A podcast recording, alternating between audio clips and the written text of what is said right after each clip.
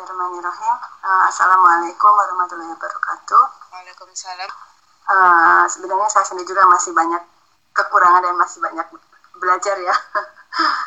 Ini kita mungkin uh, apa sih budaya budaya itu apa sih gitu kan ya? Kalau kita lihat dalam bahasa Inggris itu culture ya budaya itu culture. Culture itu kalau misalnya di apa bahasa itu kan culture itu bukan dari bahasa Inggris ya dari bahasa Latin kalau nggak salah ya. Nah, yang artinya itu mengolah atau mengerjakan seperti itu. Dan dalam bahasa Indonesia culture itu juga kadang diterjemahkan sebagai kultur ya dalam bahasa Indonesia. Nah kita lihat lihat dulu budaya itu apa sih gitu loh ya. Kalau kita lihat itu eh, apa sih dalam buku-buku antropologi itu budaya itu adalah suatu cara hidup yang berkembang dan dimiliki oleh uh, sekelompok orang gitu. Kemudian uh, budaya itu diwariskan dari generasi ke generasi. Mungkin kita lihat budaya itu bentuknya seperti apa ya kita lihat mungkin uh, agama sendiri itu dal dimasukkan dalam budaya ya kalau dalam antropologi itu. Kemudian politik kemudian adat istiadat bahasa kemudian uh, alat alat atau perkakas hidup kita kemudian pakaian bangunan dan mungkin karya seni yang lain itu juga termasuk budaya ya. Dan salah satunya juga adalah bahasa. Nah bahasa ini tidak bisa dipisahkan dari kehidupan manusia ya untuk saling berinteraksi. Mungkin uh, itu mungkin kita lihat uh, uh, Korea sendiri. Korea itu kan nama aslinya itu kan nama Korea itu adalah Tae Han Min Itu artinya besar. Han itu Han Nara uh, terus kemudian Min itu adalah Kukmin Kuk itu dah artinya negara. Kuk itu adalah rakyat. Saya sendiri uh, apa untuk bahasa Korea ini bahasa dan budaya Korea ini saya belajar belajar dan banyak mem, apa sih membaca membaca buku dan karena ya tidak mendapat apa sih pendidikan di universitas yang mungkin mbak-mbaknya yang sedang kuliah di sini untuk bidang bahasa dan budaya Korea mungkin lebih paham gitu ya daripada saya sendiri. Uh, tapi meskipun itu ya mau tidak mau di mana kita berada, di mana kaki kita berpijak, kita harus mempelajari apa yang ada di sekitar kita. Nah kalau kita lihat sendiri Korea itu kan merdekanya hampir bersamaan dengan Indonesia ya 15 Agustus 1945 kemudian setelah itu uh, Korea sendiri uh, pada tahun 50 itu pecah perang saudara ya antara Korea Utara dan Korea Selatan. Kemudian Korea Utara itu dibantu oleh Uni Soviet dan Korea Selatan itu dibantu oleh Amerika. Nah sebenarnya perang itu sampai sekarang belum terakhir apa belum berakhir karena PBB itu memberikan bantuan akhirnya diakhiri dengan gencatan senjata sampai uh, pada Juli tanggal Juli tahun 53 dan, dan sampai sekarang. Jadi uh, Korea Utara dan Korea Selatan itu sulit untuk bersatu, gitu ya. Terus kemudian kita lihat uh, agama di Korea ini sendiri uh, banyak orang Korea beragama Buddha. Pertamanya Buddha ya. Setelah Amerika masuk itu kemudian banyak uh, di sana mungkin banyak misionari misioner misionaris ya. Misionaris mungkin mbak-mbak sendiri juga tahu dan merasakan ya bagaimana mereka untuk uh, mengembalikan domba-domba yang tersesat. Jadi kita termasuk domba-domba yang tersesat ya bagi mereka itu gitu lah. Dan, dan pada saat itu itu Kristen sangat-sangat berkembang banyak di sini. Kemudian selain selain dari Amerika sendiri juga banyak apa sih aliran-aliran agama yang lain. Jadi Kristen itu tidak hanya dari Amerika sendiri dan banyak sendiri yang agama agama yang dibuat. Dan itu jadi uh, pertama pertama kali saya masuk ke sini pun uh, kurang lebih tahun 99 saya masuk ke sini.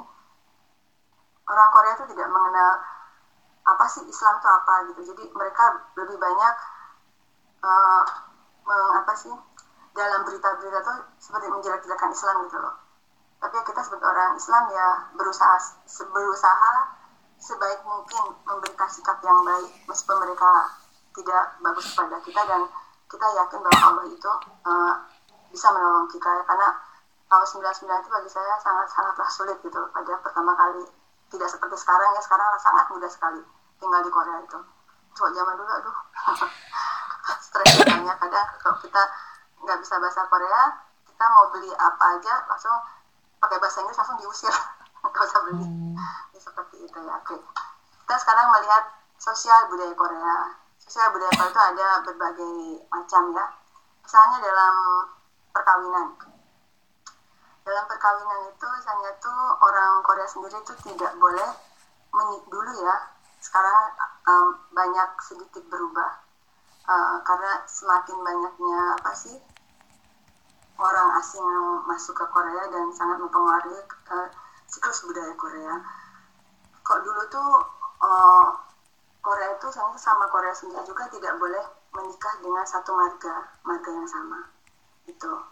Keduanya, uh, Korea ini saya dalam perkawinan itu sangat uh, seperti ini apa jadi sangat menghargai garis keluarga dari laki-laki patrilineal ya kalau kita sebutnya patrilineal. Jadi bahwa pria atau suami itu mempunyai uh, hak uh, yang sangat uh, kuat di dalam keluarga. Dan laki-laki itu diwajibkan untuk mencari nafkah. Untuk mencari nafkah untuk menghidupi keluarganya. Dan istilahnya tuh suami itu dianggap uh, sebagai raja ya kalau di satu keluarga itu. Dan uh, saya nggak tahu ya kalau keluarga yang lain. Cuma uh, kalau suami saya itu kan kebetulan suami itu saya itu dari Andong ya. Jadi Andong itu sangat uh, apa sih sangat menghar uh, me, me, memelihara budaya mereka. Jadi laki-laki itu tidak boleh ke dapur gitu loh. Tidak boleh ke dapur. Pokoknya kalau udah kerja ya udah gitu loh. Masuk ke rumah ya udah gitu leha-leha gitu ya dulu ya. Ya mungkin pada saat itu saya ya misalnya tuh uh, diam aja ya uh, karena masih belajar pada saat tahap belajar. Nah pada saat setelah punya anak ya kalau di sini kan nggak bisa punya pembantu ya.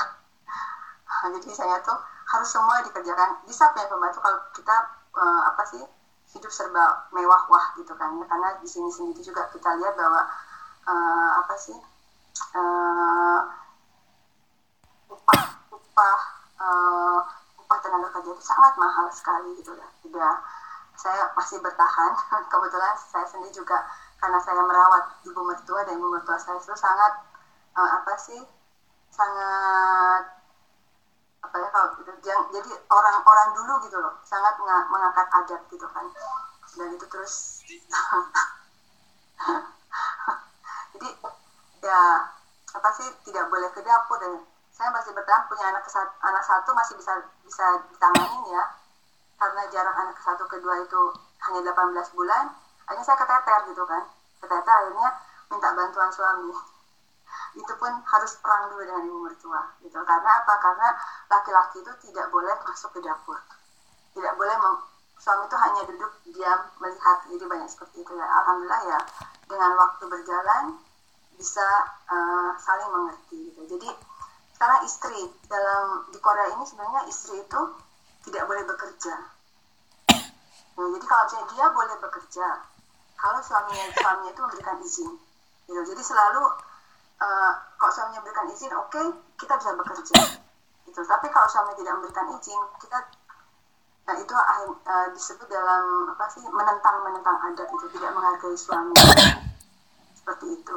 Jadi uh, apa sih kalau misalnya izin ada izin dari suami atau misalnya penghasilan suami tidak mencukupi baru istri itu um, diperbolehkan bekerja. Karena dalam budaya Korea itu tugas utama seorang istri adalah mengasuh anak dan menjaga rumah.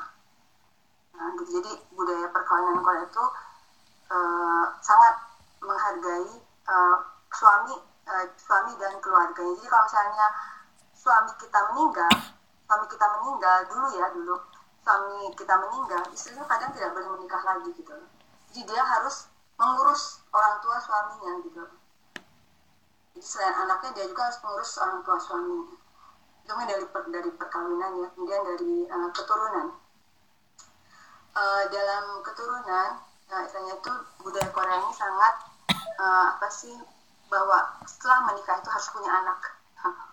Itu wajib gak wajib pokoknya wajib harus punya anak gitu. Jadi kalau misalnya dalam jangka waktu sekian tidak punya anak ya kadang misalnya uh, di cerai atau diusir dari rumah gitu ya. Uh, dan dan kalau kita lihat ya kalau kita lihat sekarang pun juga uh, seperti uh, mixed merit ya uh, kebiasaan Korea ini ya, untuk misalnya contohnya untuk mendapatkan uh, uh, yang cukon cukon itu adalah green card ya green card di Korea itu dulu dulu uh, dulu saya itu ya. Jadi dia pertama harus um, minimal tinggal lima tahun. Dulu kalau waktu saya sekarang berbeda lagi kebiasaan kemudian uh, minimal pernah uh, sudah tinggal di Korea lima tahun. Kedua mempunyai anak. Nah jadi kalau misalnya punya yang punya yang juga itu sangat sulit. Kalau kalau nggak punya anak itu Korea itu kurang menghargai. Jadi kalau secara hukum itu kita kalau misalnya nggak punya anak itu kita tidak punya kekebalan hukum di Korea ini kalau seorang perempuan tidak punya anak gitu ya. Nah, kalau yang nggak punya anak misalnya itu agak ag agak sulit prosesnya gitu. Jadi selalu dilihat itu. Hmm. kemudian uh, jadi intinya uh, dalam suatu keluarga itu yang paling diharapkan itu anak pertama itu adalah laki-laki. Mungkin mungkin tahu ya laki-laki itu kenapa? Karena laki-laki itu yang bisa meneruskan marga keluarga. Meneruskan marga keluarga kemudian yang bisa misalnya tuh uh, merawat merawat orang tua itu adalah suami jadi terutama anak pertama. Anak pertama laki-laki. Jadi anak perempuan itu tidak punya hak untuk menurut uh, mengurus ibu ya, ibunya gitu loh. Jadi kalau misalnya perempuan sudah menikah uh, itu akhirnya harus keluar dari dari uh, keluarga gitu jadi keluar. Jadi tidak mempunyai hak apa-apa dari dari uh, keluarganya. Mungkin itu.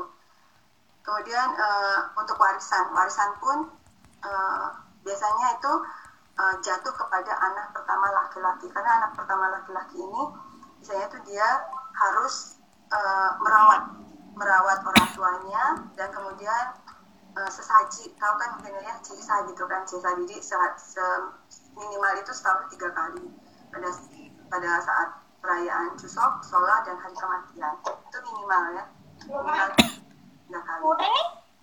Nah, kemudian terus uh, mungkin dalam hal uh, budaya makanan ya. Nah, itu tadi keturunan, kemudian makanan mungkin uh, kebiasaan orang Korea itu dia uh, ada satu makanan yang tidak tidak bisa di, di apa sih dipisahkan ya. Dan harus jadi harus selalu ada dalam setiap penyajian makanan baik itu di rumah maupun dalam keadaan dalam keadaan-keadaan tertentu. Ya, jadi contoh ya itu apa? Kimchi ya. Nah, sudah bisa makan kimchi belum ibu-ibu? Saya sendiri juga makan kimchi itu setelah satu tahun. Lebih tinggal di sini baru bisa makan kimchi.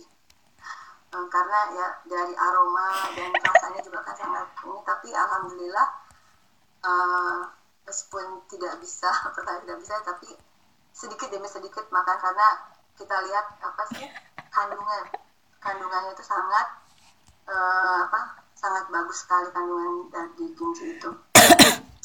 Di uh, kimchi ini adalah uh, makanan yang harus dihidangkan dalam suasana apa pun. Kemudian kalau kita lihat kimchi ini adalah uh, sayuran sayuran yang mempunyai rendah kalori, rendah kalori dan apa kaya kaya dengan serat ya serat yang tinggi. Jadi uh, untungnya kak Indonesia itu kan tidak punya empat musim ya. Mungkin ibu-ibu sendiri merasakannya tinggal di sini ya apalagi pada saat musim dingin. Uh, apa sih? Makanan apa sayuran itu sangat mahal. Sayuran dan buah-buahan sangat mahal. Jadi orang Korea sendiri itu bagaimana dia mempersiapkan uh, masa musim dingin itu tetap tetap makan makanan yang bergizi gitu ya yang memenuhi kesehatan badannya gitu. Jadi pada saat musim uh, mulai semi ya pada mulai mulai mulai semi musim semi panas dan sampai musim gugur itu mereka uh, bertani ya. Sampai kalau kita lihat ya orang Korea itu sampai dia menanam menanam dengan bidang apa pun itu nih. Mau juga di atas apa sih? Styrofoam atau di atas? Hmm. apa sih uh, bak-bak yang kayak itulah gitu. Mungkin ibu-ibu pernah lihat ya. Uh, itu sangat menghargai uh, cuaca dengan dengan seperti dia bisa mempunyai perbekalan makanan gitu. Uh, untung Indonesia ya empat musim ya empat musim aduh. Uh, jadi saya sendiri juga. Oh saya juga dulu pas pertama kali kenapa sih orang Korea itu kulkasnya gede-gede gitu kan? Kenapa sih orang Korea itu pada saat mulai musim semi itu wah apa sih? Apa aja? Nggak nggak pernah ada tanah tanah yang di apa sih uh, di dibiarkan gitu ya. Meskipun dia hanya sepetak selalu dia tanami.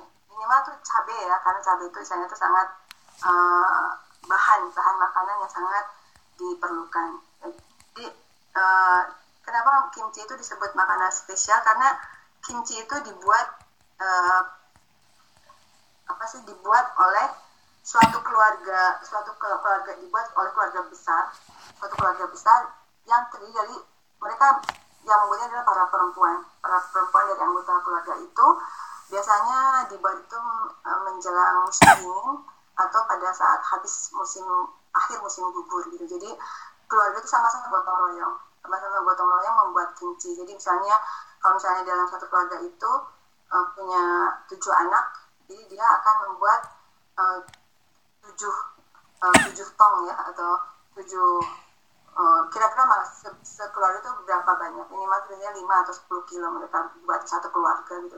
Ini mereka buat stok bahan makanan. Kemudian uh, perempuan itu kalau misalnya pandai membuat kimchi maka dia itu adalah uh, maka dalam keluarga itu uh, memberikan apa sih bahwa perempuan kalau saya buat kimchi itu pasti ini adalah perempuan yang pandai gitu. Kenapa karena uh, kimchi itu kalau setiap tang tangannya beda ya rasanya juga beda gitu mungkin ibu yang tahu ya. Jadi uh, kalau misalnya pinter masak kimchi ya pasti uh, bikin kimchi ya pasti perempuan juga pasti akan pinter juga untuk menghidangkan makanan-makanan yang lain gitu. kalau kita lihat sejarah kimchi ya mungkin kimchi itu pertama kali uh, itu warnanya tidak merah ya jadi kimchi itu pertama kali itu warnanya putih gitu putih. Nah, kenapa kok kimchi itu warnanya merah? Kenapa nya warna merah? Jadi pada saat pecah perang antara Jepang dan Korea, itu Jepang itu membawa semacam bubuk cabai ya, mungkin pada saat kurang uh, kalau kurang lebih itu pada saat uh, perang yang dipimpin oleh Isun Isun Isun Isun Isun Isun Isun sih ya jadi uh, mungkin uh, bunda-bunda semua, ibu-ibu semua coba lihat dalam apa dalam sejarah perang itu kita saya sendiri juga melihat uh, film itu kurang lebih tiga atau empat kali karena sangat berkesan sekali. Nah pada saat itulah kimchi itu berubah menjadi warna merah. Gitu. Jadi mungkin di Jepang juga ada yang namanya kimchi ya. Nah, jadi mereka bawa kalau itu kan agak merah-merah gitu ya, tapi tidak merah sekali, gitu ya. Nah, jadi tapi tetap uh, kimchi putih itu namanya back kimchi itu tetap ada gitu ya. Dan uh, jadi kalau kita lihat itu kurang lebih itu kimchi itu kalau kurang tidak kalau nggak salah itu kalau ada kurang lebih 200 jenis ya kimchi itu semua semua makanan itu di apa sih diasingkan diawetkan dalam bentuk macam-macam kimchi gitu. Nah sebenarnya masih banyak belajar ya, karena membuat kimchi itu tidak tidak mudah ya. Jadi intinya itu uh, kimchi itu adalah cara untuk mengawetkan uh, mengawetkan sayur-sayuran pada saat musim panen untuk menghadapi uh, musim dingin. Itu uh, kemudian bahasa ya. uh, mungkin ibu-ibu sendiri juga ini ya saya sendiri juga sama dulu pertama kali tinggal di Korea ini uh, banyak sekali uh, banyak kendala dalam bidang bahasa ya. tapi saya sendiri sendiri juga misalnya itu mungkin kalau zaman sekarang kan ada ohaktang ya. Ohaktang bisa belajar bahasa Korea dengan apa sih dengan membayar atau sekarang juga banyak juga belajar bahasa Korea di multicultural multicultural center yang diberikan secara gratis gitu ya. Kalau pada zaman saya tuh nggak ada yang kayak seperti itu tahun ya tahun 2000-an gitu ya. Itu misalnya itu orang Korea tuh apa sih baru uh, apa sih karena kan Korea itu mulai membuka membuka uh, dengan apa banyaknya uh, orang asing yang masuk itu pada tak pada World Cup ya. Pada World Cup World Cup 2002 jadi saya sendiri sebelum karena kebetulan saya menikah tahun 2002 jadi sebelum 2000 sebelum tahun 2002 saya juga sudah tinggal di Korea pada saat itu mungkin sebagai training ya kalau training sekarang sama training dulu, dulu itu beda. Kalau training dulu itu memang benar-benar dari perusahaan ke perusahaan. Jadi tidak ada intinya dihadirkan sekian harus sekian puluh juta nggak ada. Kalau dulu itu memang benar-benar training gitu kan ya. Nah, kalau sekarang kan agak berbeda ya misinya itu kan. Nah, jadi sebelum menikah dengan suami juga saya tinggal di sini. Pada saat itu saya memang uh, apa sih belajar bahasa Korea tapi dengan autodidak.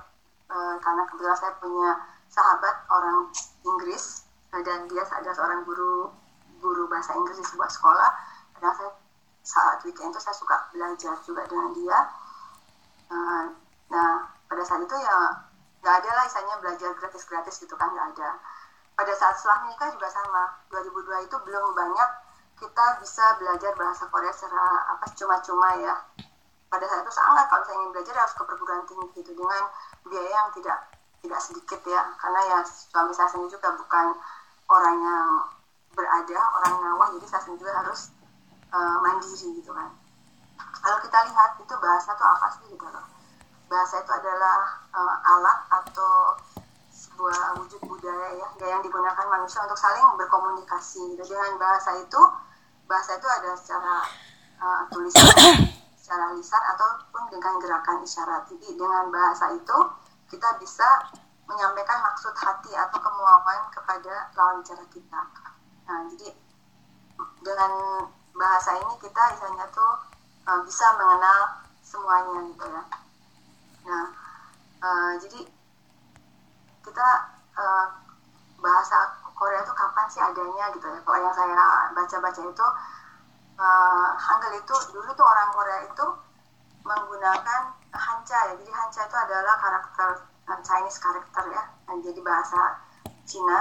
Uh, tetapi bahasa Cina itu misalnya itu hanya bisa dipergunakan oleh orang-orang uh, atas. Jadi uh, para para lingkungan kerajaan atau para bangsawan. Jadi rakyat-rakyat jelata itu mereka sulit gitu loh untuk untuk belajar bahasa Hanja itu atau bahasa Cina itu. Akhirnya dengan kebijaksanaan Raja Sejong ya Raja Sejong kalau nggak salah pada abad 15 uh, itu akhirnya Raja Sejong itu membuat membuat Hangul membuat Hangul untuk bisa memudahkan komunikasi antara uh, rakyat biasa rakyat biasa untuk bisa memberikan apa sih masukan atau uh, untuk komunikasi lah antara rakyat biasa dengan para bangsawan dan kerajaan.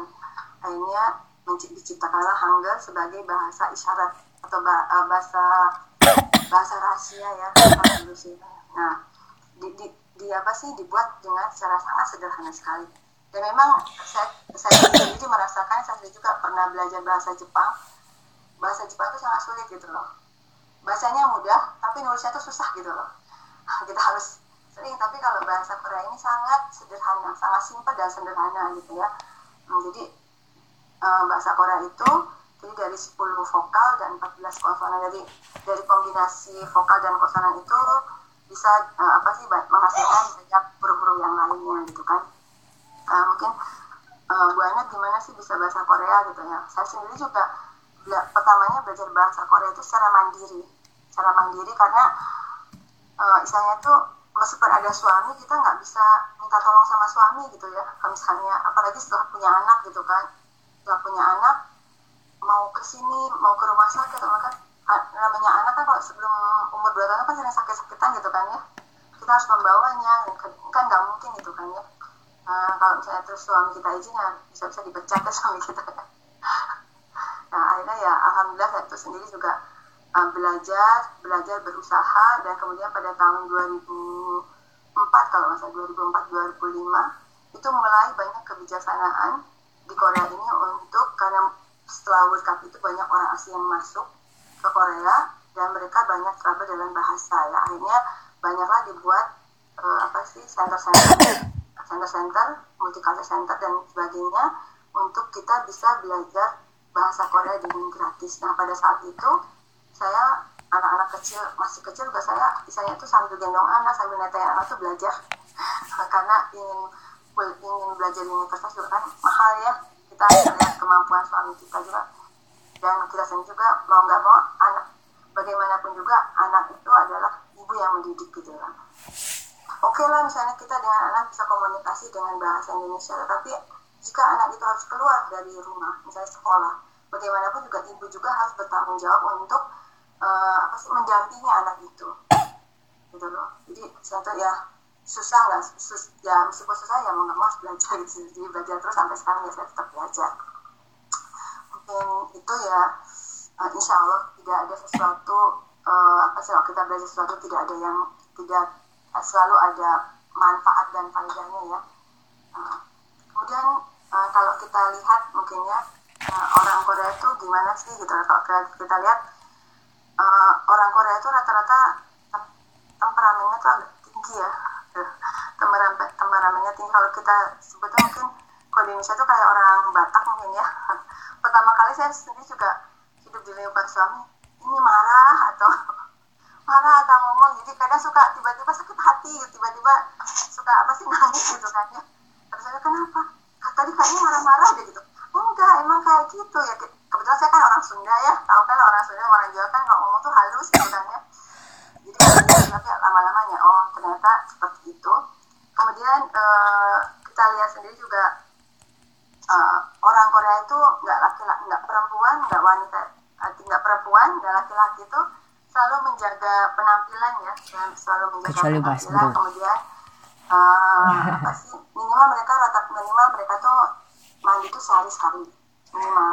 Tapi kalau udah nenek-nenek kakek-kakek itu kadang kadang nggak mandi ya nggak mandi ya karena emang budayanya seperti itu gitu loh. Pada saat zamannya. dia itu karena apa sih untuk mandi itu air panas itu susah keluar gitu. Dan mereka pasti mandi itu uh, ya seminggu sekali gitu loh.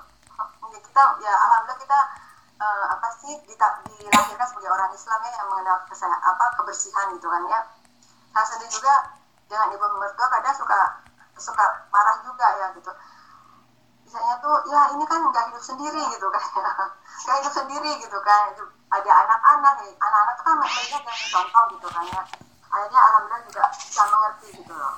Bisa mengerti. Kemudian kita lihat sendiri juga sekarang orang Korea itu kan uh, apa sih uh, senang ini ya senang lihat gadget gitu ya. Saya tuh uh, kalau lihat mungkin di kereta atau di mana-mana gitu ya itu salah satunya mungkin ya salah satu budayanya sekarang. Karena teknologi yang mungkin itu sendiri ada ada baiknya dan ada tidak baiknya gitu loh. Kemudian uh, hal yang lain apa ya? Uh, contohnya kalau misalnya orang Korea orang Korea kalau misalnya makan mie gitu ya. Makan mie itu kadang suka langsung dari panci ya. Hmm. dari panci kita, kita mungkin banyak kita lihat budaya-budaya yang ada dalam drama drama Korea itu memang memang ada gitu loh. Dalam ke, dalam kehidupan orang Korea itu memang ada gitu. Tapi ya misalnya tuh ya melihat tuh mana yang bisa ditiru dan mana yang tidak kita harus sendiri juga harus selektif juga ya. Kemudian uh, yang saya senang itu dengan orang Korea itu adalah bila sudah makan itu selalu mereka tuh apa sih selalu gosok gigi ya kalau udah makan itu ya itu dulu. Oh kenapa sih? Gitu kan ya. Uh, ternyata katanya kalau misalnya karena kan hampir semua makanan Korea itu kan mengandung apa sih bubuk cabai ya. Di dalam saat berbicara nah jadi lawan berbicara itu uh, kan kayaknya kurang serak ya kurang enak kalau misalnya lawan bicara itu kita ini apa sih kurang bersih melihatnya mungkin.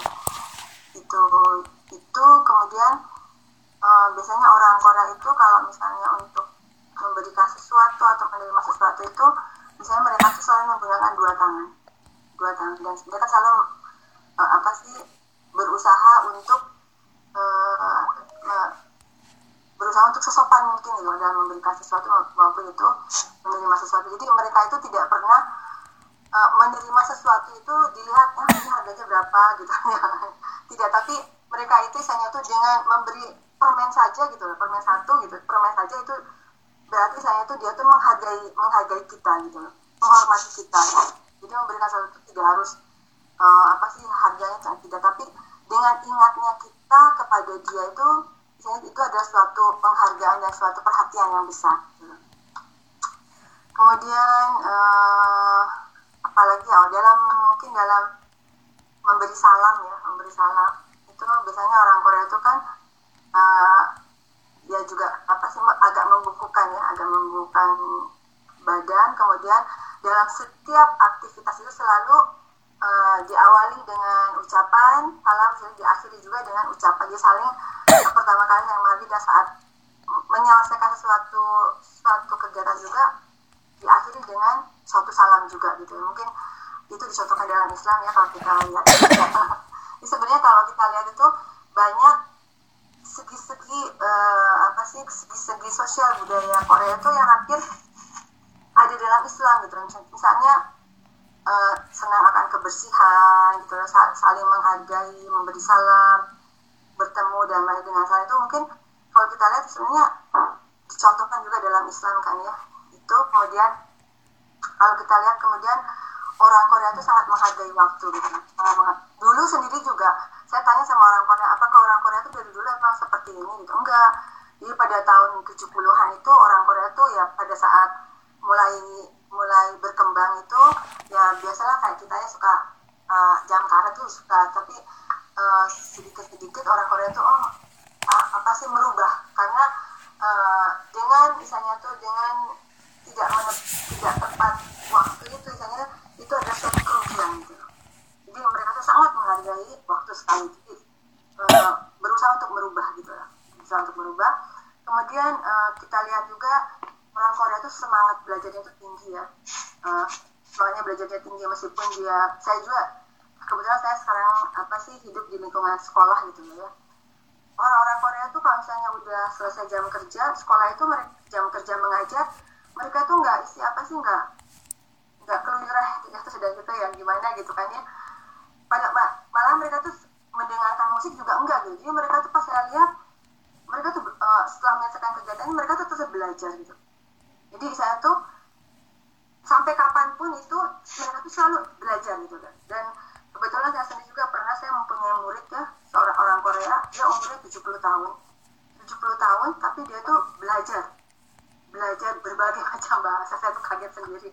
Wah itu nenek-nenek aja semangatnya seperti itu gitu loh kenapa saya yang umurnya sekian kenapa saya nggak semangat gitu kan ya. Uh, karena bagi mereka itu adalah dengan belajar itu mereka selalu bisa uh, apa sih uh, belajar untuk untuk maju gitu loh. Belajar untuk maju misalnya itu belajar dengan apa yang belum dia dapat gitu loh. Jadi semangat belajar itu tinggi sekali. Jadi tidak melihat golongan usia apa. Mungkin itu yang ada dalam Islam ya bahwa uh, carilah ilmu dari mulai buaya sampai liang lahat itu kan itu kan contoh dari Islam juga ya. Kemudian uh, mungkin kita sebagai ibu-ibu ya sebagai ibu-ibu uh, jadi pada saat mungkin ada anaknya yang sudah SD kelas 2 ke atas gitu yang kita lihat betapa semangatnya ibu-ibu itu misalnya tuh pada saat anaknya mulai masuk sekolah gitu. Kadang uh, ada ada seorang ibu yang misalnya itu dia sengaja mengambil cuti mengambil cuti tidak diba, tidak digaji untuk bisa mendampingi anaknya pada saat masuk eh, SD untuk bisa beradaptasi selama di sekolah jadi kemudian uh, ibu-ibu ini apa sih uh, para orang tua murid itu sangat misalnya tuh memperhatikan saja kadang sendiri mereka juga banyak kegiatan-kegiatan orang tua murid yang diselenggarakan di sekolah. Mungkin itu hmm, ada lagi nggak ya? Ya saya sendiri juga belajar ya karena itu bukan budaya jadi belajar melihat melihat dan apa sih uh, memproses ya uh, budaya itu bagus bagi saya ya saya, saya ikuti gitu loh mungkin mungkin itu saja ya mbak mbak Asma ya Iya Bu Ana. Jadi kan banyak ya gitu kan apa namanya mungkin dijelasin semua itu panjang banget gitu kan. Budaya kan hasil hasil kreasi manusia beribu-ribu tahun ya gitu kan. Jadi ya. Mungkin memahami orang Korea meskipun katanya cuma satu suku sukuhan gitu kan, tapi ya. ternyata tidak tidak semudah itu ya gitu ya ternyata mereka juga sangat banyak kebiasaannya kayak gitu. Mungkin yang tadi saya tangkap yang cukup menarik itu adalah uh, semangat mereka untuk belajar ya gitu karena uh, saya juga di sini kan nyambi kerja di cyber house ya mungkin Bu Ana juga sedang uh, di sana gitu kan. Dan di situ saya ngelihat ada orang ya usia benar ya Bu Ana yang sudah 50 tahun 60 tahun. Uh, betul betul yang kadang mereka terutama belajar bahasa ya gitu.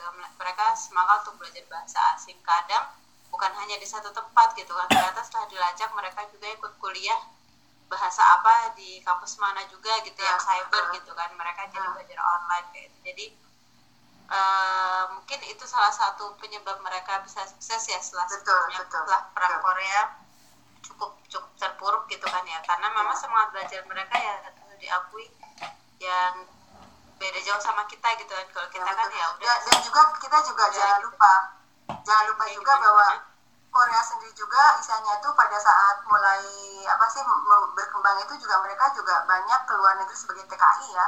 Terutama hmm. di Arab Saudi gitu loh. Iya, tapi isanya itu mereka sendiri sadar gitu loh.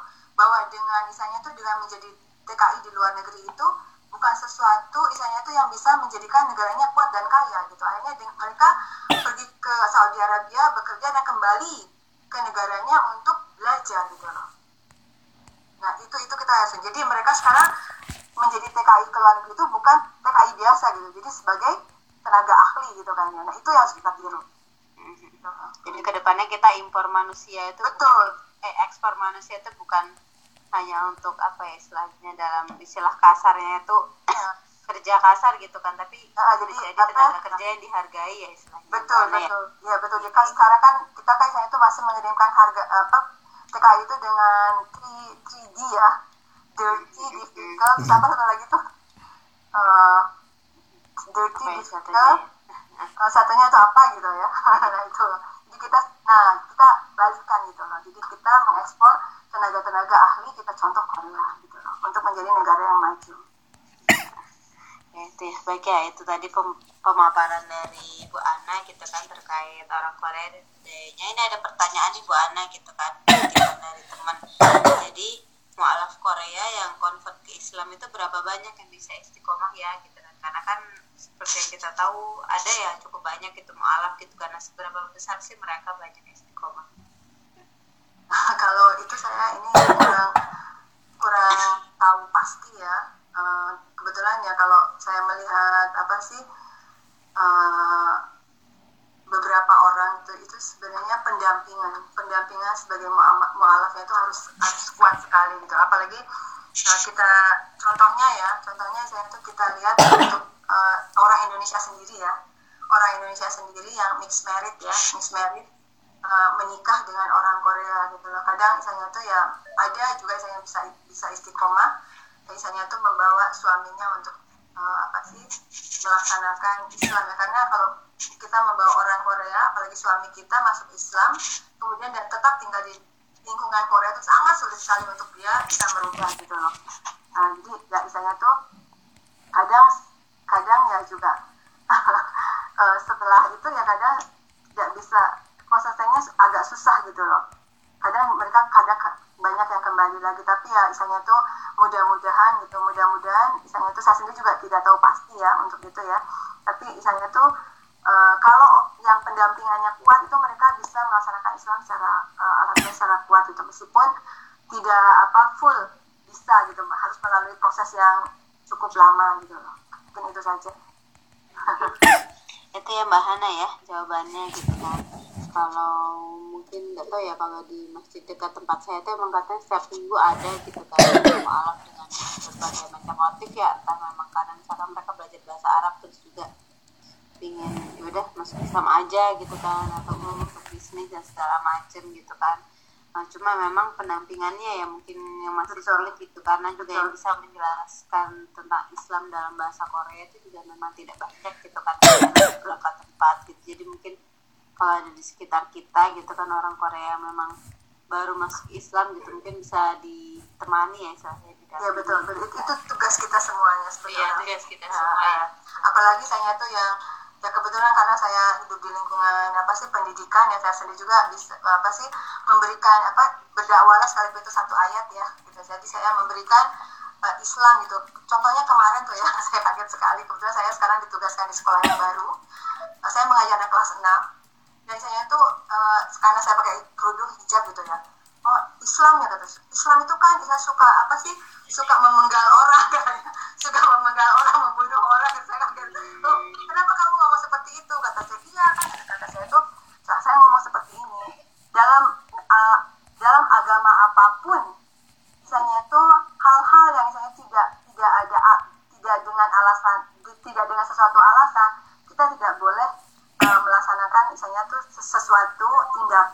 tindakan kata saya itu aku ngomong gitu. Jadi itu salah kata saya itu dan memang hukum dalam Islam saya ngomong memang hukum dalam Islam orang yang membunuh itu harus dibunuh kata saya itu dan orang yang mencuri itu harus dipotong kata saya itu jadi kalau nggak ada nggak nggak ada alasan nggak ada motivasi tertentu itu kita tidak boleh melakukan sesuatu. Aku ngomong gitu aja. Saya juga kaget itu anak kelas nama itu ngomong kayak gitu. Ya itu banyak juga saya kadang ditanyain tiba-tiba sama ibu-ibu di mana di subway itu kalian suka perang gitu. Dan istri empat itu tema-tema yang sering gitu kan perang. Ya, ya. dan poligami ya gitu kan. Jadi emang kayaknya kita harus pinter-pinter gimana pun juga. Mereka cuma apa ya dapat hal yang salah gitu kan dari uh, ya. sudah gitu uh, bulan yang lalu juga anak SD kelas 1 ya di sekolah saya ini dia nanya saya saya ini katanya kok berpakaian seperti ini tidak malu? Katanya kamu gitu. Oh kenapa mesti malu? Katanya itu anak kelas 1 SD ya?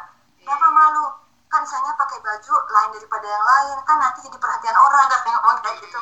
Oh ini anak pintar kata saya ya ini saya menerangkan sesuai dengan uh, apa sih pikiran anak itu gitu loh. Dan akhirnya anak itu bisa menerima. Jadi kita dengan siapa kita berbicara tentang Islam kita sendiri juga harus jangan memberikan secara dalil apa sih naklinya. Kita berikan kepada mereka secara akalnya gitu loh. Hingga mereka bisa nerima gitu loh hasil akal mereka mungkin itu ya misi kita di sini. Oke oke. Ini ada pertanyaan lagi nih Bu Anda gitu kan. Kenapa banyak orang Korea yang ateis ya? Hmm, sebenarnya orang Korea sendiri itu misalnya itu beragama Buddha ya beragama Buddha. Jadi misalnya itu mungkin kita lihat budayanya itu uh, warisan-warisan dari uh, uh, apa sih budaya dari uh, Konghucu Yugyo ya. Jadi misalnya itu banyak sekali uh, filsafat-filsafat Buddha yang misalnya tuh uh, bagus gitu loh. Tetapi karena misalnya tuh uh, banyaknya apa sih asimilasi asimilasi dari negara lain, kemudian misalnya tuh dengan tekanan hidup yang tinggi seperti itu, akhirnya mereka hanya mencerna secara akal mereka gitu loh. Jadi kadang orang Korea itu sama mungkin sama dengan orang ini ya orang Jepang ya, uh, Jepang atau Cina gitu ya jadi mereka misalnya itu hanya memproses secara aklinya saja. Jadi mereka uh, agak bergeser gitu loh.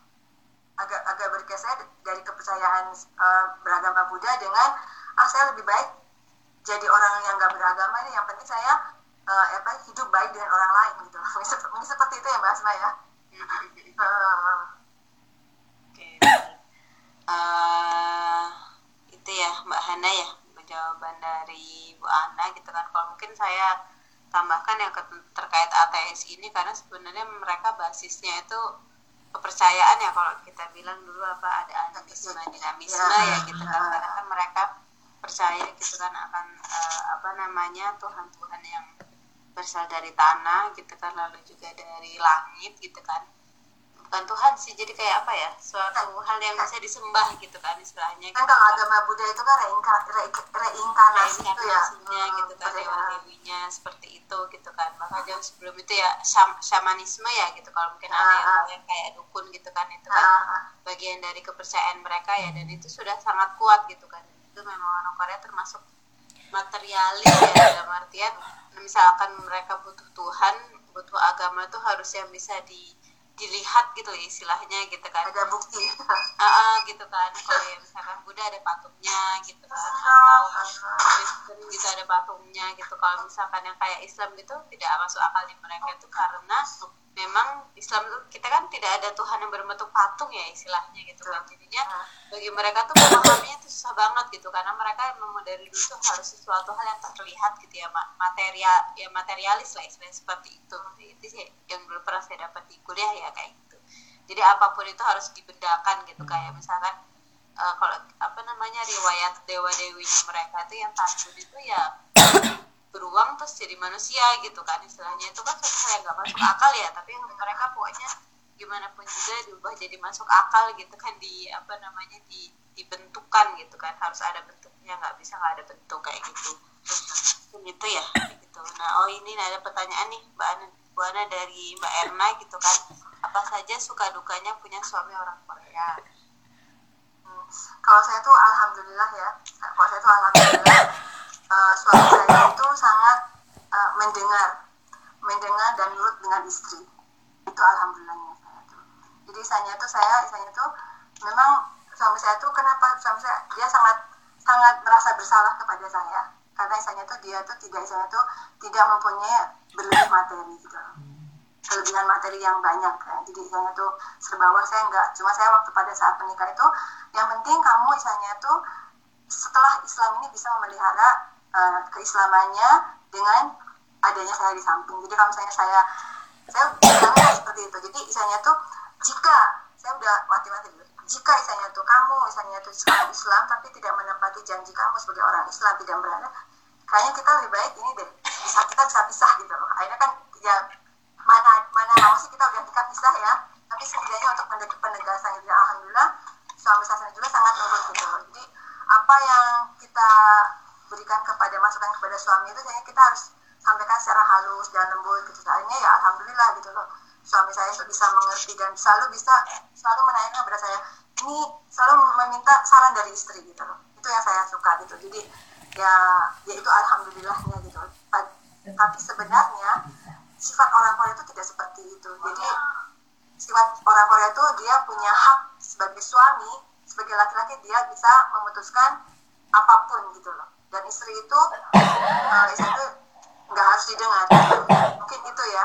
Jadi saya tuh alhamdulillahnya tuh saya seperti itu. Jadi kalau dukanya itu saya kadang suka berselisih dengan pihak keluarganya gitu loh. Dengan pihak keluarganya suami yang memang misalnya tuh uh, notabene bukan Islam ya. Kadang saya tuh bagaimanapun sedih juga kita saya tuh sebagai orang Islam juga harus mempunyai apa sih uh, apa sih ya asma. Jadi jelas gitu loh wah ini ini bukan contoh contoh kalau misalnya ketemu gitu ya ngumpul minum gitu. Loh ini rumah saya gitu. Kalau anda mau minum silahkan ada di luar gitu. Loh ini rumah saya. Kalau anda ingin makan babi silahkan di luar gitu. Loh jadi kitanya harus tegas. Dan alhamdulillah suami saya itu sangat mendukung gitu loh. Karena dia juga belajar Islam belajar Islam dan tahu Islam dan dia juga bisa menghargai istri gitu loh. Nah, alhamdulillah jadi bisa ini mungkin kalau saya alhamdulillah cuma duka itu dari ada suka harus dengan keluarga suami mungkin keluarganya ya gitu kan karena kan memang kalau sama orang tua tuh kalau nggak ikut minum kayak dianggap kok nggak ikut minum? gitu karena saking sudah mendarah dagingnya mungkin ya gitu ya kayak gitu. betul betul betul. Jadi tapi kan kita sebagai orang Islam tuh harus menegak harus itu kan iya. harus tegas gitu. Karena bagaimana eh, bagaimanapun anak-anak kita juga melihat dan mencontoh gitu Baik, Bu ini ada pertanyaan lagi nih kita kan dari Mbak Ovilia jadi bagaimana cara membuat orang Korea itu nyaman dan tertarik untuk mengenal Islam jika mereka tidak ada niatan sama sekali sama sekali untuk belajar gitu kan? Adakah cara atau lebih baik tidak usah dicoba sama sekali? Jadi kalau kalau menurut saya ya kalau misalnya mereka tidak menanyakan misalnya tuh nggak usah lah misalnya kita nggak usah nggak usah mendahului gitu loh nggak usah mendahului gitu. Karena bagaimanapun juga mereka tuh orang yang misalnya katakanlah tidak beragama kita kita kasih arahan sendiri juga mereka tidak akan masuk. Kecuali kalau mereka bertanya kalau mereka bertanya baru kita jawab sesuai dengan uh, aklinya tadi saya sudah ngomongkan di akli gitu contohnya. Misalnya kenapa sih nggak boleh minum? gitu kenapa sih nggak boleh makan arak minum arak? gitu loh. Kadang kadang suka saya ngomong gitu loh karena orang itu dalam melakukan sesuatu aktivitas kerja itu harus secara sadar gitu loh. Secara, secara sadar. Jadi kalau misalnya orang yang minum itu kan melakukan sesuatu kerja itu tidak sadar gitu loh. Itu tidak boleh. Contohnya kalau misalnya dengan tidak sadar tiba-tiba kita membunuh gitu kan. Itu kan sesuatu sesuatu apa sih? Sesuatu hal yang apa sih? Sesuatu kejahatan gitu kan. Bagi orang orang biasa kita tidak akan menerima gitu. Tapi dia saya nggak salah gitu loh saya nggak salah saya sedang mabuk. Nah itu. Jadi menghindari hal-hal yang di luar uh, apa sih batas akal kita gitu. Tidak sadar jadi, jadi melakukannya yang tidak harus secara sadar jadi jangan melakukan sesuatu dengan tidak sadar. Mungkin itu jadi suka misalnya kalau contohnya seperti anak saya pertama kali ya. Ibu kenapa sih harus sholat gitu kan ya? Kenapa sih harus puasa gitu kan ya? Nah kita jawabnya secara akli dulu. Kamu sekarang ngapain belajar gitu kan ya ya kalau belajar kan bisa cari uang. Nanti dengan uang itu bisa bisa beli apa-apa dan ceritanya kalau mau kalau mati bawa apa? Bawa apa ya beli itu harus kita dengan sholat zakat. Soalnya ada saat anak-anak kecil tuh ya oh gitu ya bu iya jadi kita bisa masuk surga gitu. Jadi misalnya tuh berikanlah lawan bicara kita itu dengan siapa dan berikanlah ak aklinya gitu. Jangan memberikan secara nakli gitu. Mungkin itu itu saja menurut saya ya baik itu ya jawaban dari Ibu Ana gitu kan. Dan mungkin apa namanya misalkan orang Korea yang nggak nanya gitu kan kok sebenarnya dengan perbuatan kita ya misalnya kita tiba-tiba saya butuh sholat nih gitu kan. Atau saya tak minum arak gitu. Atau saya tidak makan babi itu kan akhirnya mereka tanya loh kenapa? gitu kan. Nah, akhirnya kita ada kesempatan menjelaskan ya sedikit uh, tentang Islam kepada mereka oke baik. Terus ini ada pertanyaan nih Bu Ana dari Mbak Nurut ya Mbak gitu kan nah bagaimana dengan kepribadian orang Korea? Apakah masih sama dengan orang Indonesia ya? Soalnya kami kaget pas jalan di jembatan untuk pejalan kaki ternyata ada orang yang menaikkan motornya lewat jembatan itu padahal naiknya naik tinggi jalan juga naik motor agak ugal uh, jadi kalau kita harus lihat ya bahwa secara hukum itu secara hukum itu trotoar itu untuk pejalan kaki gitu loh. Ya mungkin kita inilah namanya manusia ya manusia itu kan kalau misalnya hal seperti itu kita laporkan tuh orang itu bisa kena hukum gitu. Karena kalau di Korea ini sendiri saya tuh uh, apa pun informasi yang kita berikan kepada polisi itu mereka akan akan cari tahu jika benar itu akan dibayar. Gitu loh. Misalnya tuh uh, jangan jadi kita hal ini tuh itu sebenarnya secara hukum itu tidak boleh itu menyalahi hukum. Misalnya ada tidak nyaman cukup di Korea ini tahu mungkin ya. Ada orang seperti itu cukup foto. Foto dan nomor nomor apa nomor kendaraan itu bisa difoto. Itu dilaporkan itu akan kena. Dengan cara otomatis itu akan bisa dilacak gitu loh karena di Korea sendiri ini bisa dilacak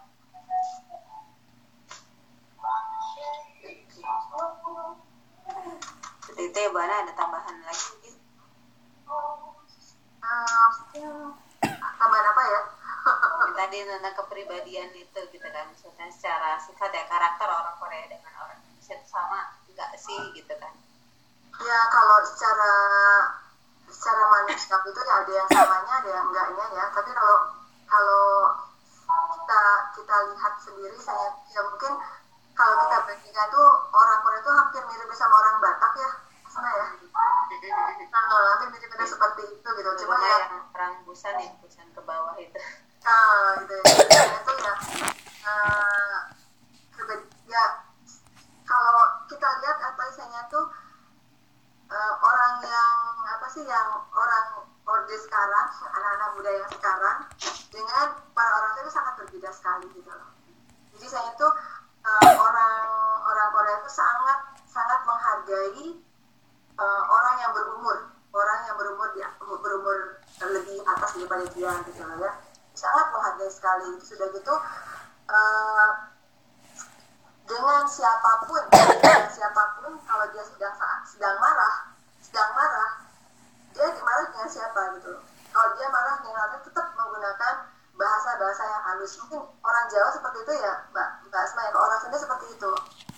Nyindir sih banget bukan nyindir gitu kan jadi ini tapi dengan menggunakan kata-kata yang halus gitu kata-katanya memang halus nah halus gitu. Sudah gitu kita lihat juga dalam merokok gitu ya. Kalau merokok itu kan merokok atau minum itu kan merokok itu pantang ya. Orang Korea itu orang yang muda merokok dengan orang yang tua itu pantang sekali gitu loh. Jadi saya tuh mungkin ini yang harus kita tiru juga ya misalnya tuh. Misalnya itu merokok itu nggak nggak nggak di sembarang tempat. Jadi harus tahu tempatnya. Itu mungkin kita harus kita apa sih harus kita contoh juga ya. Mungkin ada hal-hal yang hampir mirip-mirip dengan orang Indonesia ada hal-hal yang sangat berbeda juga ada hal-hal yang orang apa sih hal yang positif yang dari orang Korea bisa kita nonton gitu. Begitu ya gitu kan. Berarti belum seperti di Jepang ya. Mungkin uh, ya, betul, belum. ya Mbak Dini ya gitu. Karena kalau di Jepang kan orangnya sangat rapi kalau di sini memang Korea sebenarnya bukan bukan menurut masih saya proses. uh, masih proses gitu karena kan mereka juga culture shock ya antara dari awalnya tidak punya menjadi punya itu kan akhirnya masih ada culture shock di situ gitu kan sampai sekarang. Nah cuma memang kalau orang Korea itu maksudnya berbeda sama orang Jepang.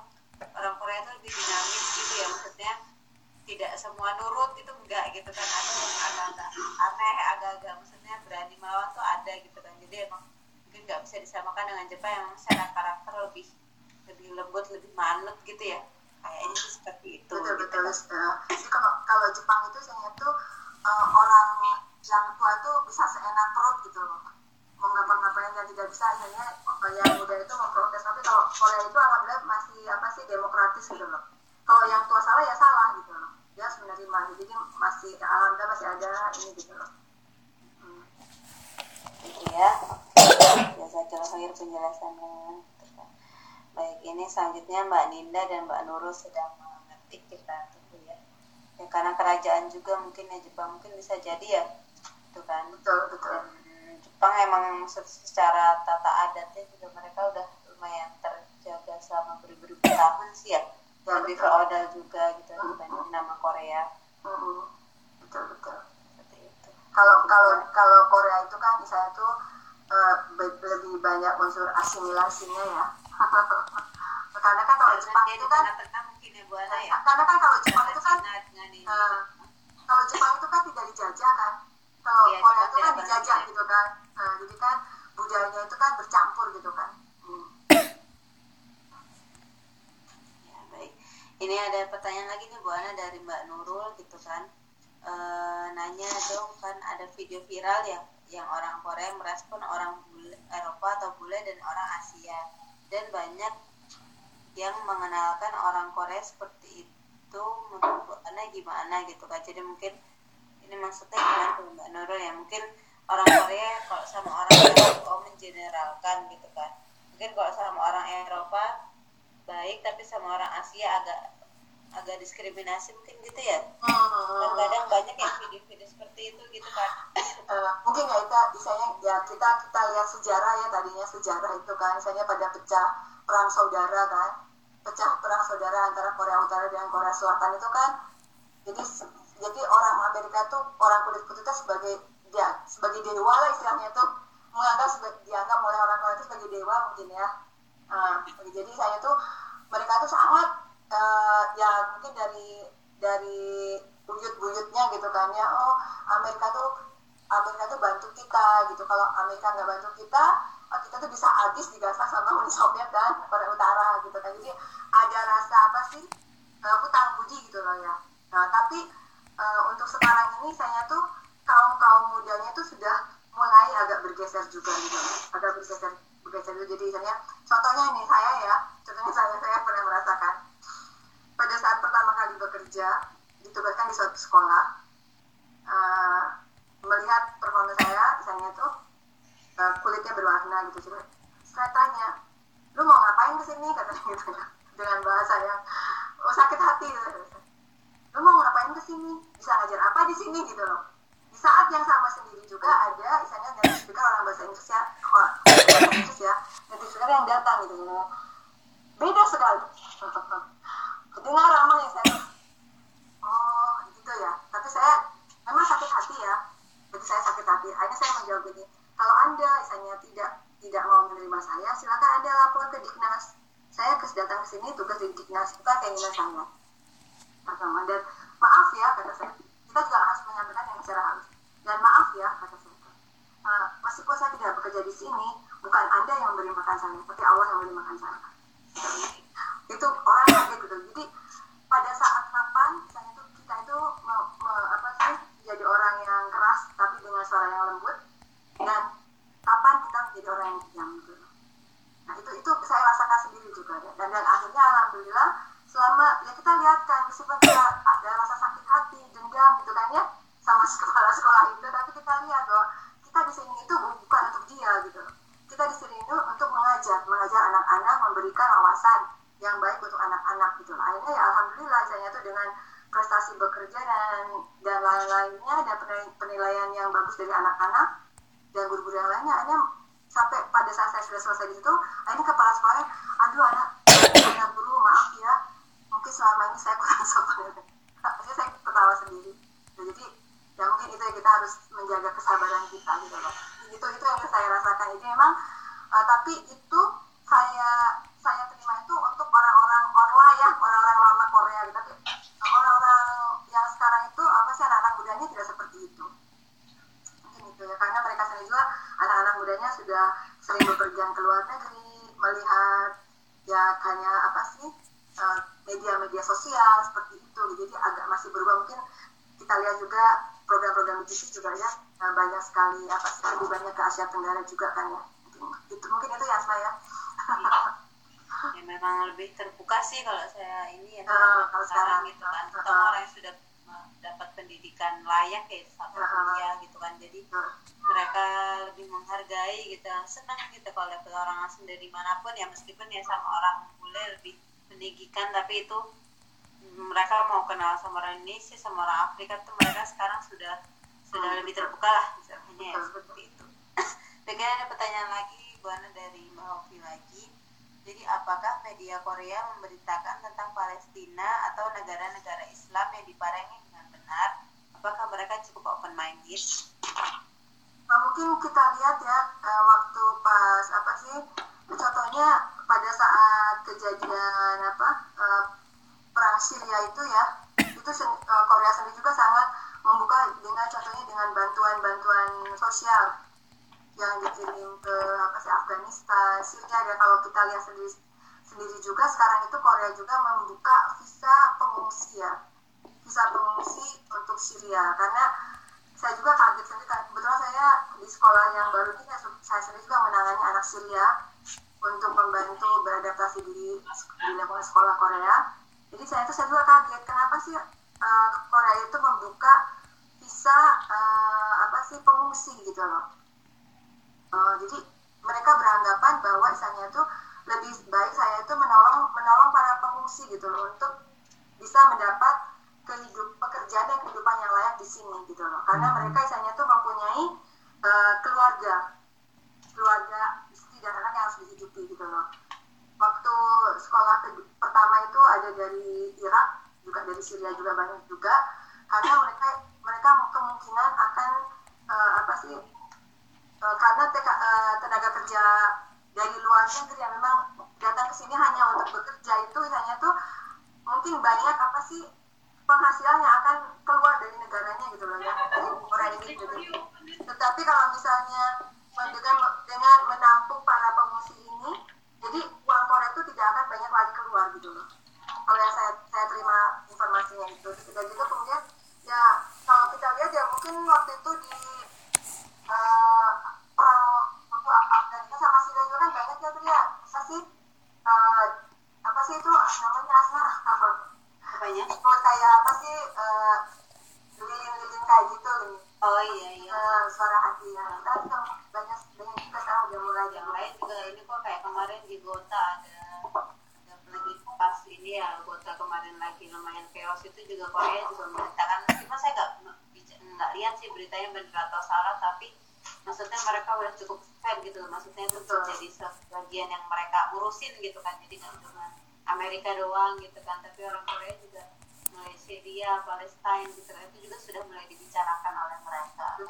Dan waktu itu salah satunya itu adalah uh, mereka memperlihatkan di di TV ya TV yang dilihat oleh anak-anak di sekolah itu bagaimana korban perang yang anak-anak itu yang pengungsi lewat laut itu yang anak-anak bayi meninggal itu.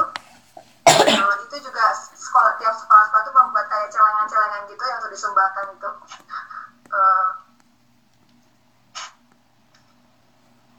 ya Bu Ana halo halo halo uh, jadi, jadi seperti itu gitu. jadi rasa apa sih rasa turut itunya tuh anak-anak tuh diberikan apa sih berita berita di TV di TV yang bisa di apa sih disalurkan setiap kelas kemudian anak-anak juga mengumpulkan kayak celengan celengan celengan itu ya kecil gitu dikumpulkan untuk per kelas itu terus dari itu dikumpulkan per sekolah untuk disumbangkan Syria juga. Jadi ada Afghanistan kalau nggak salah dulu pernah lihat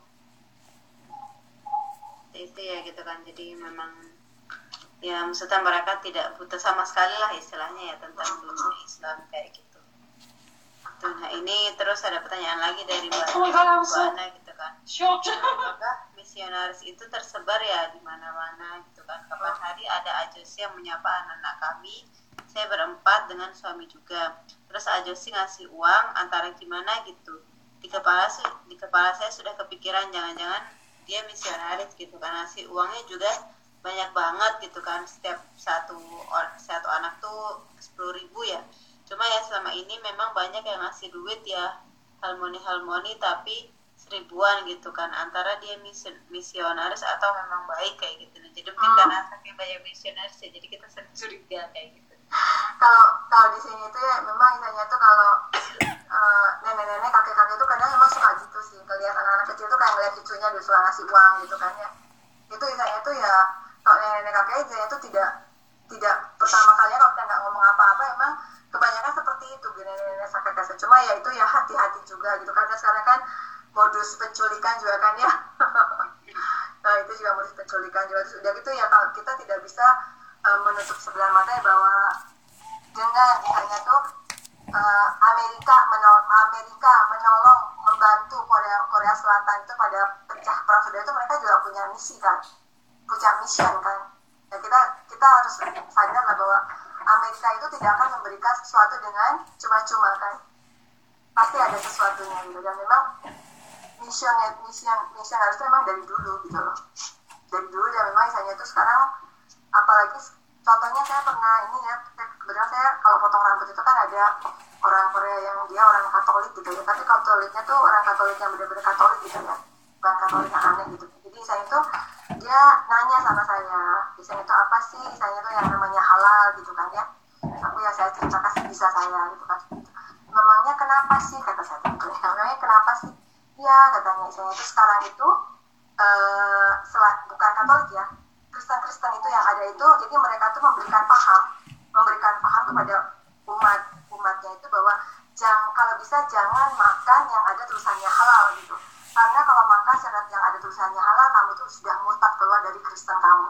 Gitu jadi mereka mendoktrin seperti itu gitu.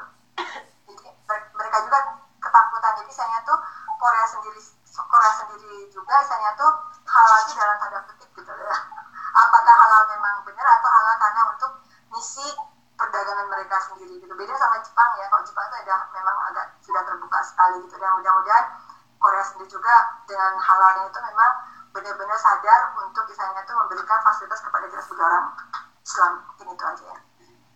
Ya baik. Itu ya Mbak Nurul ya gitu kan. Di sini ada Mbak Dini masih mengetik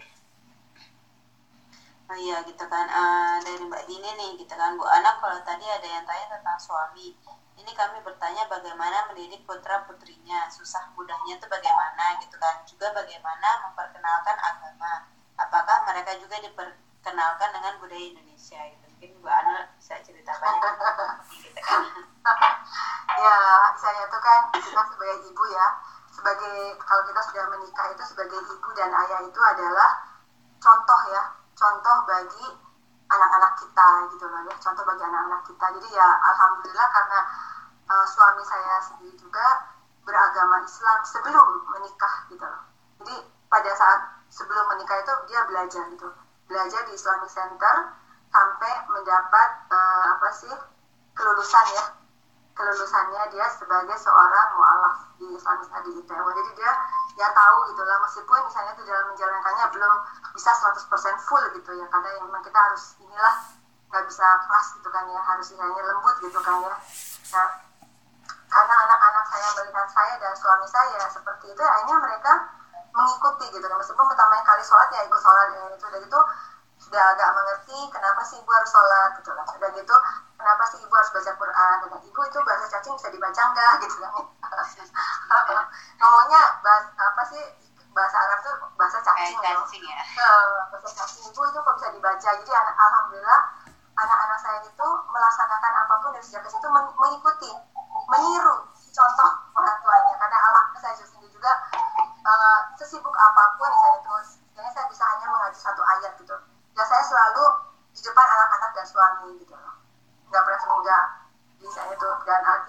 Kan baca apa sih gitu loh ya.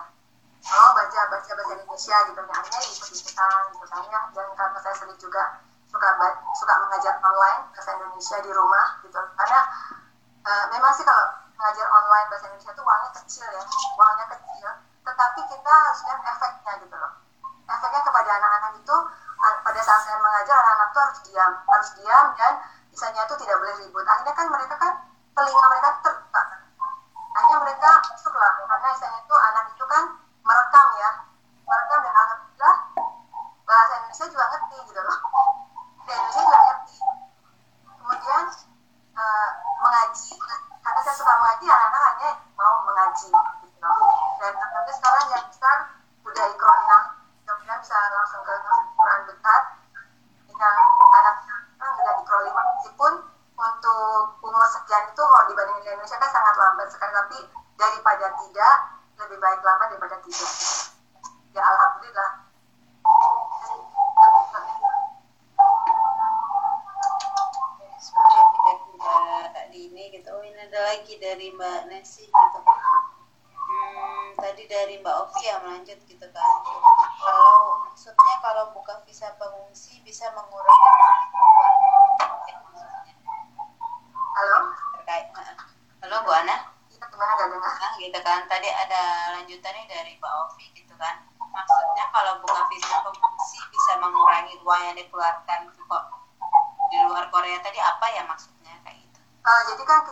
ya kalau misalnya para contohnya para TKI ya para para TKI yang masuk ke sini kan mereka tuh kan akan mengirimkan penghasilannya kan. Mengirimkan penghasilan penghasilannya untuk dikirim ke keluarganya yang ada di, di Indonesia kan misalnya kan. Berarti kan itu kan uang negara itu kan uang yang dihasilkan di Korea itu kan keluar kan? Ini enggak saya iya iya. Nah, gitu loh. Tetapi kalau dia mempekerjakan pengungsi ya isanya itu uh, dia bisa isanya itu uang itu tidak akan keluar gitu ke negaranya gitu loh. Karena kan negaranya juga berjang pecah perang dan seperti itu. Jadi mereka mungkin lebih akan dominan tinggal di Korea lebih lama gitu loh. Meskipun orang tuanya bekerja sekarang anak-anak itu akan di masa depan itu anak-anaknya akan berguna untuk kehidupan sosial di Korea ini. Contohnya kayak sekarang Syria ya Syria Irak Afghanistan itu kan saya itu mereka mempunyai latar belakang untuk bahasa Arab ya dan budaya Timur Tengah gitu loh. Sedangkan di Korea sendiri juga uh, budaya Timur Tengah itu kan mencari orang itu sangat sulit ya. Nah nah setidaknya anak-anak ini kan saya tuh dia mengenal budaya budaya uh, Korea. Dia mempunyai background dengan budayanya dia. Saya itu bisa membantu untuk pengembangan pengembangan sosial budaya juga di Korea juga gitu loh. Dan menjadi misalnya tuh orang-orang yang misalnya tuh bermanfaat untuk negara Korea sendiri gitu loh. Kalau kalau para TK ini kan dua tiga tahun lima tahun dia keluar kan. Dengan membawa sekian tuh keluar semua gitu loh. Nah mungkin mungkin itu ya mbak mbak ya. mungkin saya tambahin Gitu ya. Saya kurang tahu ini saya malah baru tahu gitu kan terkait ini gitu kan. Dan memang masuk akal ya tadi ya gitu kan. Karena kalau uang itu pakai di luar Korea ya kayaknya nggak dapet gitu kan istilahnya. Dari pajak segala macam ya seperti itu. Itu baik. Ada lagi yang ingin bertanya mungkin terkait eh, materi hari ini ya gitu kan. Mungkin yang memang kita sembari tinggal di sini gitu kan ketemu banyak dengan orang Korea gitu kan.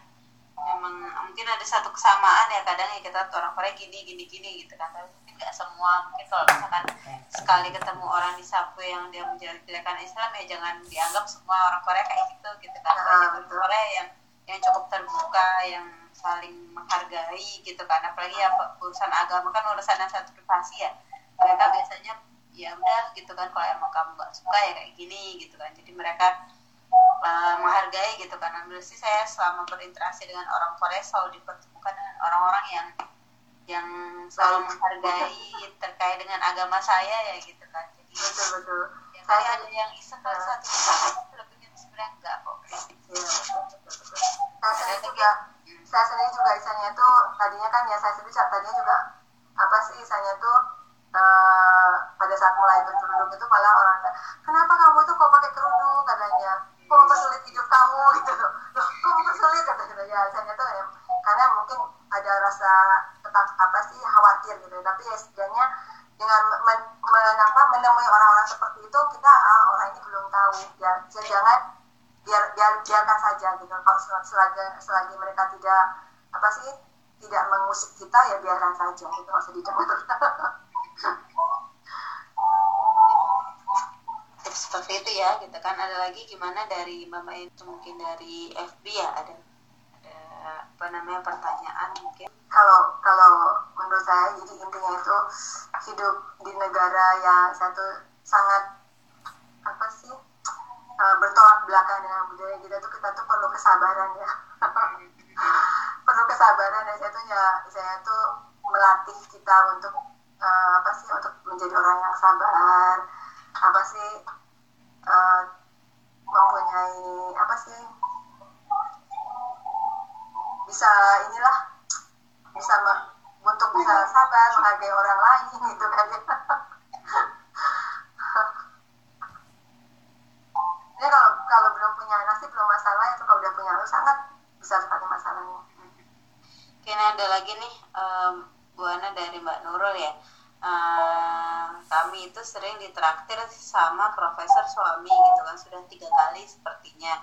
Dia juga pernah ke rumah saya makan malam dan lain-lain di malam tapi dengan begitu kita agak sungkan nanya keluarganya dia anaknya dia sudah berkeluarga apa belum gitu kan. Apakah itu memang seperti itu terkait keluarga ya gitu? Orang Korea kan memang tidak tidak semuanya terbuka dengan keluarga mereka masing-masing ya ini hmm. kalau saya kadang kalau misalnya dengan orang Korea itu kadang mereka tanya duluan ke kita ya. Kalau misalnya mereka tak udah tanya duluan ke kita kita juga balik lagi nanya gitu loh dengan kata maaf ya gitu loh. Maaf ya gitu loh. Sudah menikah apa belum? gitu loh. Karena sekarang karena kan sekarang kan budaya Korea itu kan mereka lebih senang untuk hidup sendiri daripada berkeluarga gitu kan. Kita harus ya nggak apa-apa bertanya tapi dengan didahului dengan kata maaf ya gitu sebenarnya. Mungkin seperti itu ya. Sama juga sih dengan orang Indonesia gitu.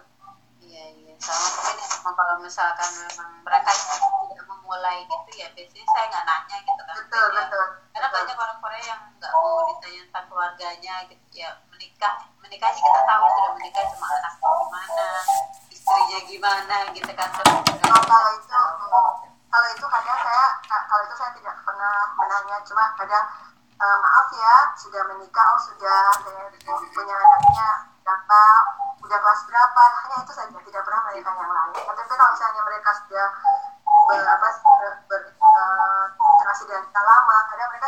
cerita gitu jadi Iya. kalau saya lebih lebih baik mereka mendahului daripada kita mendahului daripada kita mendahului kalau saya seperti itu sekarang uh, banyak ya uh, apa sih yang tinggal di sini ya yang pelajar pelajar semakin banyak ya Asma ya? Iya, ah, ah, lumayan pelajar baru semakin banyak ya Bu Ana gitu kan. Kemarin juga kayak di Google ya, Google itu banyak banyak apa namanya yang baru datang gitu kan jadi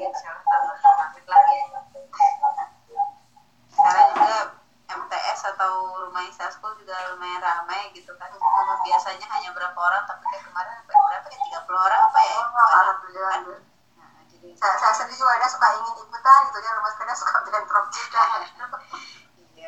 kadang kalau enggak anak-anak pas lagi belajar juga kan nggak enak juga gitu kan.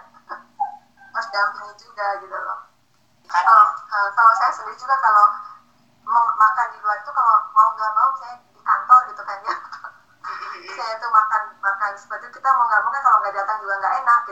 Iya, susah sih ya kalau susah kayak gitu ya. loh misalnya karena kita kan bekerja di lingkungan orang-orang Korea di yang satu yang namanya satu sekolah itu orang asingnya cuma saya dengan orang uh, native speaker bahasa Inggris gitu kan ya nggak mau kan harus datang gitu kan jadi kita ya misalnya tuh ya sambil inilah misalnya jadi intinya kita ke sana bukan untuk makan ya tapi untuk misalnya tuh silaturahmi di tempat kerja aja gitu.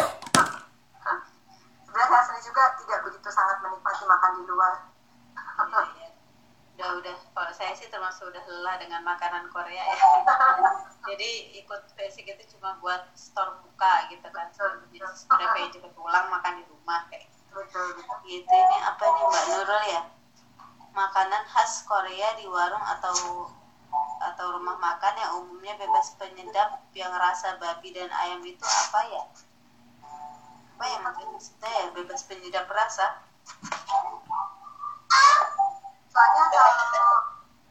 misalnya ya tadi itu makan kalau makan di luar itu misalnya tuh ya kita lihat gitu. Kadang orang-orang Korea itu kan yang saya tuh mereka makan apa sih samgyeopsal kayak gitu. Kadang saya suka minta sendiri gitu loh. Nah, saya nggak makan ini gitu loh. Saya minta hidangan sendiri gitu loh. Saya minta tenjang aja gitu loh. Tenjang sige aja gitu loh. Jadi kalau ya kita misalnya tuh ya misalnya tuh karena bagaimanapun juga kan semua makanan itu mengandung kalau makan di luar itu kan mengandung penyedap gitu kan ya.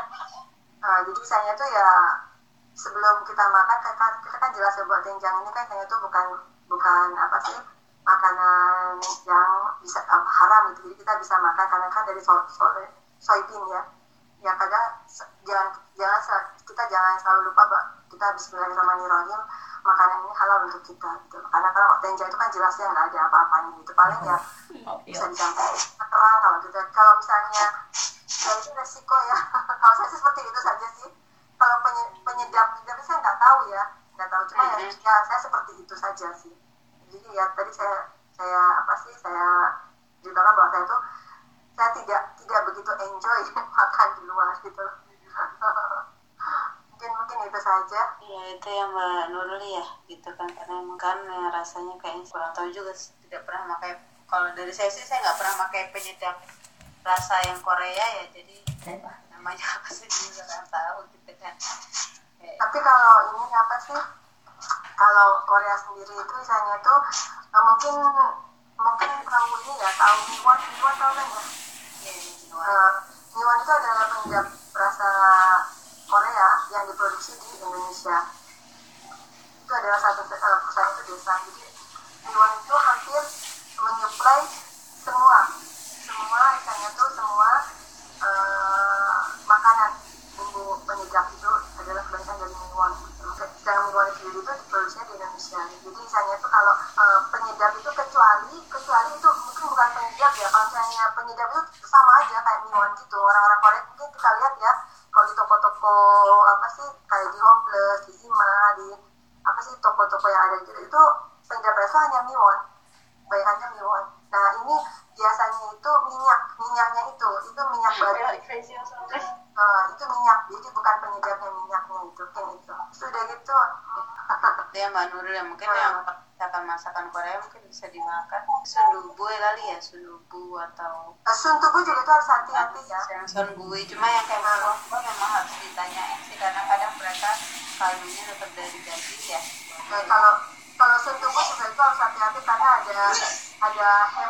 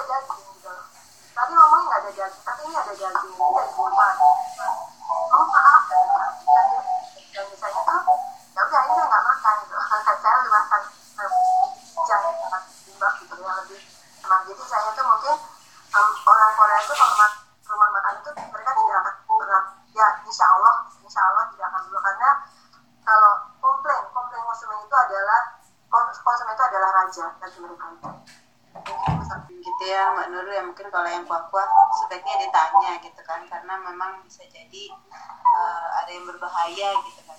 Ada yang mungkin bisa tidak bisa kita makan kayak gitu. Itu ya gitu kan. Uh, mungkin kita sudahi ya sudah banyak sekali pertanyaan gitu kan. Ada jawaban-jawaban dari Bu Ana jadi semakin menambah diskusinya semakin dinamis gitu. Dan karena sekarang sudah pukul 10.20 ya sudah cukup larut malam di Korea gitu kan.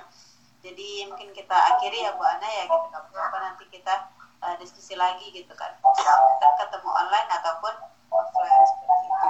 Baik teman-teman bersama Rumah Isa gitu kan Insya Allah taklim saya berumah Isa pada hari ini kita sudahi dulu. Uh, terima kasih banyak kepada Bu Ana yang sudah bersedia untuk uh, menjadi pemateri gitu kan dan juga Mama yang sudah sangat aktif bertanya di sini. Uh, kita akhiri dulu dengan mengucap lafaz hamdalah Amin juga doa kafaratul majelis. Allahumma bihamdika asyhadu an la ilaha illa anta astaghfiruka wa atubu ilaik.